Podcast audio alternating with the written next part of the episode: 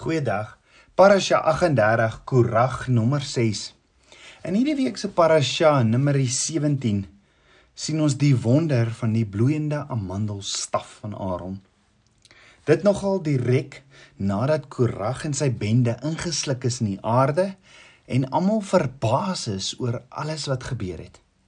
Hulle weet dat Korag verkeerd was omdat hulle gesien het hoe die aarde net opskeer en hulle almal in rebellie net insluk. Maar nadat Korag en sy bende ingesluk is, toe mimreer die volk weer. Hoor wat sê Numeri 16 vers 41 tot 42.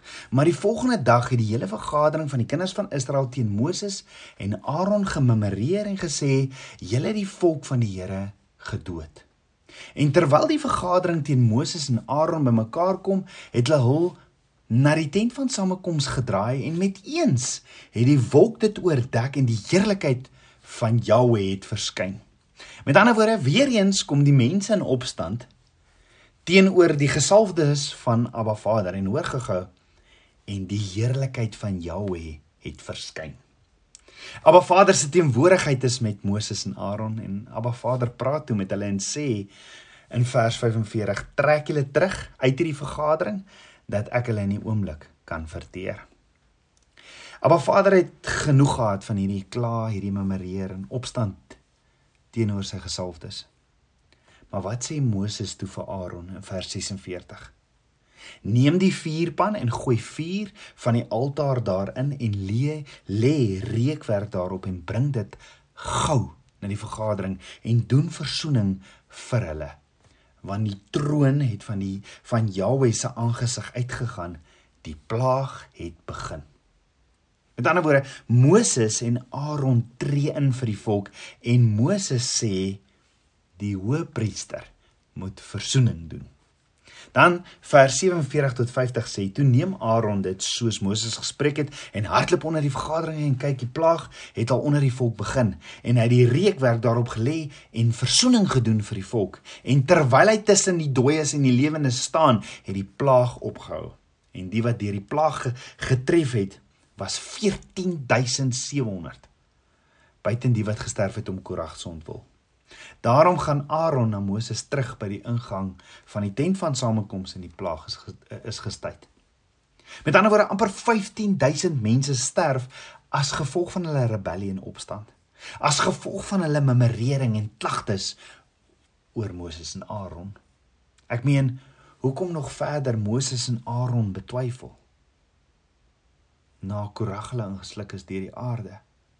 Maar Abba Vader sê verder toe vir Moses in Numeri 17 vers 2 tot 5: Spreek met die kinders van Israel en neem van van hulle vir elk 'n uh, uh, stam 'n uh, stam 'n staf. Neem van van hulle vir elke stam, elke nasie 'n staf van al hulle owerstes volgens hulle stamme, 12 stamme. Elkeen sy naam moet jy skrywe op sy staf. En Aaron se naam moet jy skryf op die staf van Levi, want een staf moet daar wees vir hulle stamhoof. En jy moet hulle wegsit in die tent van samekoms vir die getuies waar ek met jou saamkom. En die staf van die man wat uitgekies is, sal bloei en ek sal die memorering van die kinders van Israel wat teen julle memoreer stil maak teenoor my. So Abba Vader gaan die wat teen Moses en Aaron memoreer Abba Vader stil maak. En Abba Vader sê duidelik, Aaron se naam moet jy skryf op die staf. Want een staf moet daar wees vir hulle stamhoof. Maar voor ons verder gaan, is daar iets baie baie belangrik oor Aaron se staf wat ek en jy moet onthou. Onthou almal kom in opstand teenoor Moses en Aaron en Abba Vader is op die punt om hulle stil te maak. Maar kom ons kyk gou-gou eers net terug wat het gebeur met Moses en Aaron se stawwe? Kan jy onthou toe Moses in die woestyn besig was om skape op te pas en hy sien 'n brandende bos? Dit was Abba Vader wat met hom wou praat en vir hom 'n opdrag bring om die kinders van Israel te gaan verlos in Egipte.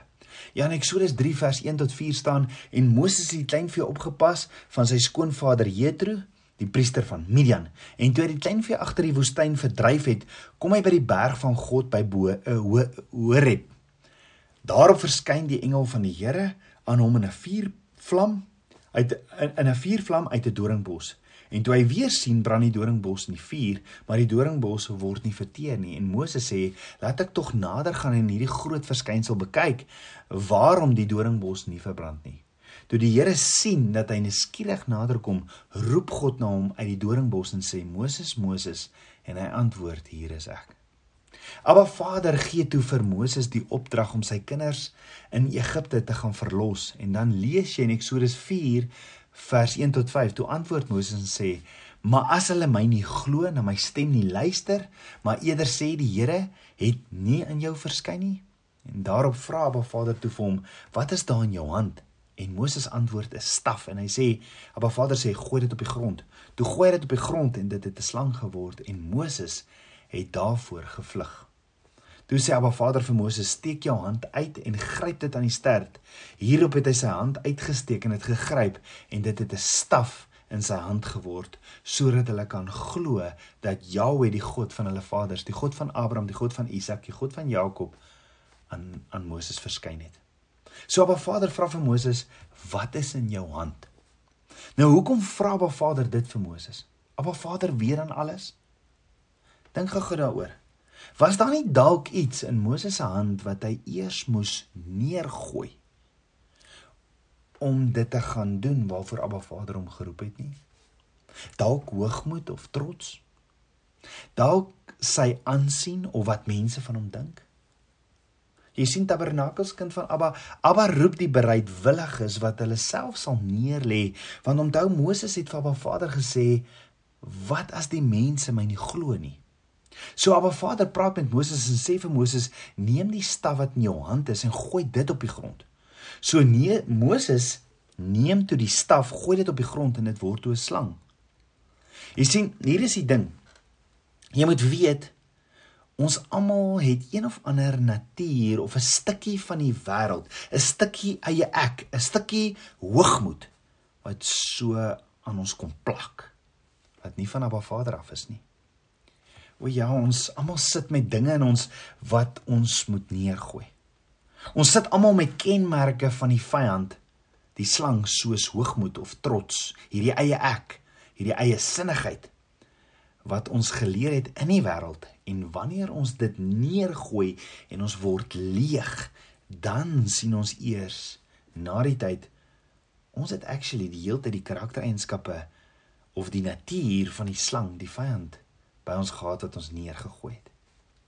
Yeshua sê in Johannes 8 vers 43: "Waarom ken julle my spraak nie? Omdat julle na my woorde nie kan luister nie. Julle het die duiwel as vader en die begeertes van julle vader wil julle doen." Nie vraag is tabernakels kind van Abba, wat se vader verheerlik ek en jy? Die vader van die waarheid of die vader van die leuen? En net soos Moses, wat se natuur of kenmerke van die vyand moet ek en jy wat hier in ons is dalk neergooi vandag? Is jy nog bekommerd oor jou eie ego by mense en wat hulle van jou dink? Is jy bang jou ego gaan seer kry as mense sien jy lewe 'n lewe in afsondering en gehoorsaamheid? Hoekom is jy gepla oor wat die mense sê en doen jy nie net wat Abba Vader sê nie? Abba Vader sal self die mense se monde stil maak. Maar hoor gaga. Nadat Abba Vader vir Moses gesê het om dit neer te gooi, sê hy vir Moses om die slang in sy stert op te tel. Nou, as jy 'n slangvangers sou gaan vra, sal hulle vir jou sê nee, jy tel nie 'n slang in sy stert op nie. Hoekom nie? Want as jy hom optel in sy stert, buig hy sy lyf om en hy pik jou. So dit rym nie. Met ons normale denke nie, want jy moet tog eers die kop vaspen voordat jy 'n slang optel, want dan weet jy jy is veilig, is dit nie? Maar Abba Vader sê vir Moses, stel hom op aan sy stert. En dalk het Abba Vader 'n boodskap of leer hy ons hier iets? Jy sien die boodskap kom al van die tuin van Eden se dae af. Waar die slang aangesê word dat hy die mens aan sy hakskeen sal byt en die mens sal sy kop verbrysel. Maar hier gee Abba Vader te kenne dat Moses nie nodig het om die slang se kop te verbrysel nie. Nee, maar dat Moses sommer net die slang in sy stert weer moet optel. Maar hoekom? Want as ek en jy dit wat ons onderkry, dit waarmee ons so sukkel, soos eie sinnigheid, hoogmoed en daai wat ander mense van ons dink as ons dit sal neergooi en vir hom gee sal Abba Vader die slang se kop self verwoes hierdie bloed van die lam nê. Abba Vader het nie my en jou hulp nodig vir dit nie. Nee al wat Abba Vader van my en jou verwag is om vas te stel wat die boodskap is en dit te shema hier luister nou by. Met ander woorde wat Abba Vader vir Moses sê is Moses moenie jou worry oor wat die mense dink of dat die slang jou sal pik nie. Moses, luister jy net nou keurig na my stem. Doen presies wat ek sê en moenie jou worry of die mense jou sal glo of nie. Doen jy net wat ek sê. Net so tabernakelskind van Abba, net so moet jy besluit of jy die natuur van die vyand sal neergooi of nie. En as Abba Vader jou vra om die slang op te tel, net so moet jy besluit of jy Abba Vader gaan vertrou of nie. Maar kan ek gou vra?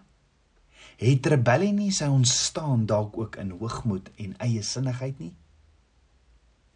Maar hoor gou weer wat sê die woord. Moses het sy staf neergegooi toe hy dit wat 'n slang geword het optel aan die stert. So kan ek vra, word dit toe weer 'n staf? toe Moses die, die slang optel aan sy stert. Hoor gegaan die woord sê nee.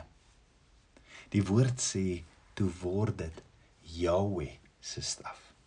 Met ander woorde, Moses het sy natuurlike hierdie eie ek hoogmoed, eie sinnigheid wat kenmerke is van die slang het hy neergegooi en jy sien dit in die natuurlike en Moses het Abba Vader se kenmerke opgetel in gehoorsaamheid en hy het ontvang toe 'n nuwe staf. Hy tel, hy's gehoorsaam. Hy tel dit op en Abba Vader verander dit en dit word Abba Vader se staf.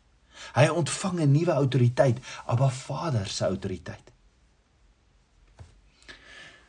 Onthou wat sê Dawid nou weer in Psalm 23? Dawid sê in Psalm 23 vers 4 al gaan ek ook in 'n dal van doodskade weer, ek sal geen onheil vrees nie, want U is met my, U stok en die staf, die vertroos my.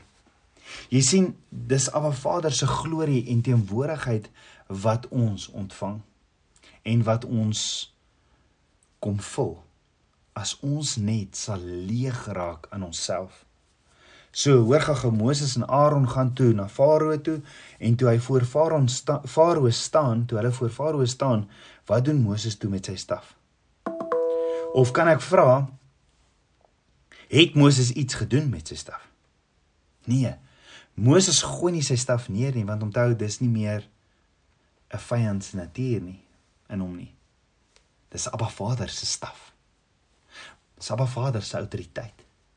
Moses het nie sy staf neergegooi voor Farao nie. Nee, Eksodus 7 sien jy Abba Vader sê vir Moses, sê vir Aaron, hy moet sy staf neergooi.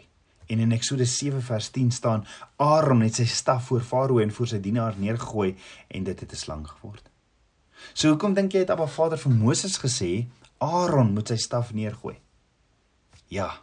Daar was ook sekere kenmerke of dinge van die eie ek en Aaron wat nie Abba Vader se kenmerke is nie. Hy het nog nie 'n Abba Vader staf of autoriteit nie. En vir jou om diensbaar te wees in die koninkryk van God, moet jy van eie sinnigheid, rebellie en hoogmoed ontslaa raak. Jy moet dit neergooi. Jy moet dit neerlê. Maar onthou net so kon Farao se towenaars ook hulle stawwe neergooi en dit het slange geword. Maar wat amazing is, hulle kon nie hulle stawwe weer optel nie. Want hulle het nie geglo in Abba Vader om sy kenmerke, sy natuur op te tel nie. Jy sien as ons bereid is om leeg te word om dit neer te gooi wat nie van Abba Vader is nie, sal Abba Vader ons kom vul met sy Shekinah glorie, sy teenwoordigheid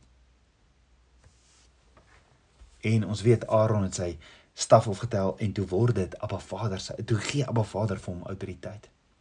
So nou gee Abba Vader vir Moses en Aaron instruksies en sê duidelik: "Spreek met die kinders van Israel en neem van hulle vir elke stam 'n staf en van al hulle owerstes volgens hulle stamme 12 stalle, elkeen se naam moet jy skrywe op sy staf." En Aaron se naam moet jy skrywe op die stam van Levi, want een staf moet daar wees vir hulle stamhoof en jy moet hulle wegsit in die tent van samekoms voor die getuienis waar ek met jou saamkom. En die staf van die man wat ek uitkies sal bloei En ek sal die memorering van die kinders van Israel wat hulle teen julle memoreer, stil maak teenoor my. So dink jy nie Moses en Aaron het dalk hier besef wat Abba Vader besig is om te doen nie? Want hoor gou wat staan in Numeri 17 vers 6 tot 10. Daarop het Moses met die kinders van Israel gespreek en al hulle owerstes het hom 'n staf gegee en vir elke owerstes een volgens hulle stamme, 12 stamme. Aaron se staf was ook onder hulle stawwe. En Moses het die stawwe voor die aangesig van Jahweh in die tent van die getuienis neergesit. En toe Moses die volgende dag in die tent van die getuienis ingaan, kyk, daar het die staf van Aaron vir die huis van Levi gebloei. Dit het bloeisels laat uitsprei en blomme laat opgaan en amandels laat ryp word.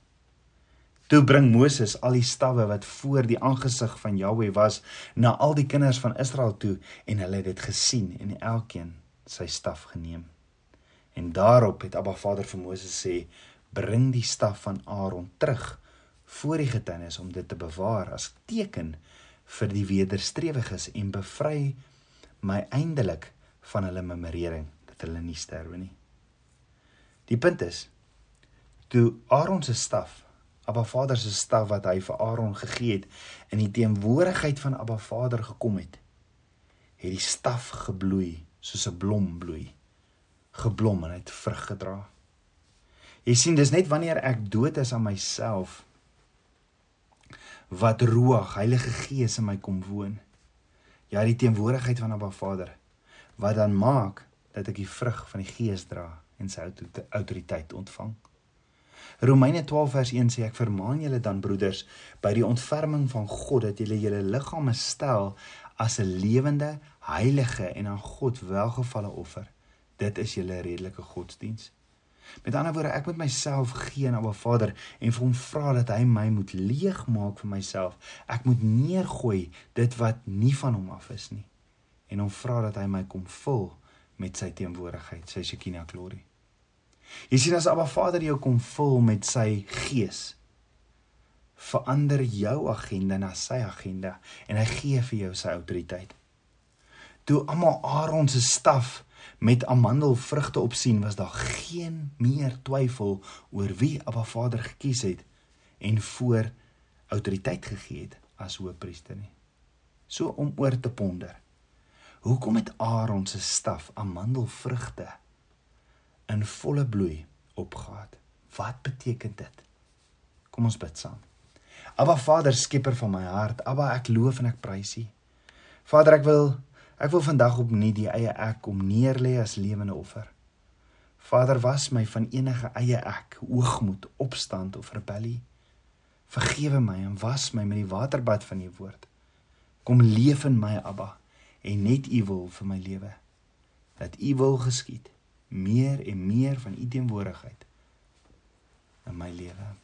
Ek bid dit alles in Yeshua Messie se naam, die seun van Jahweh. Amen. Shalom.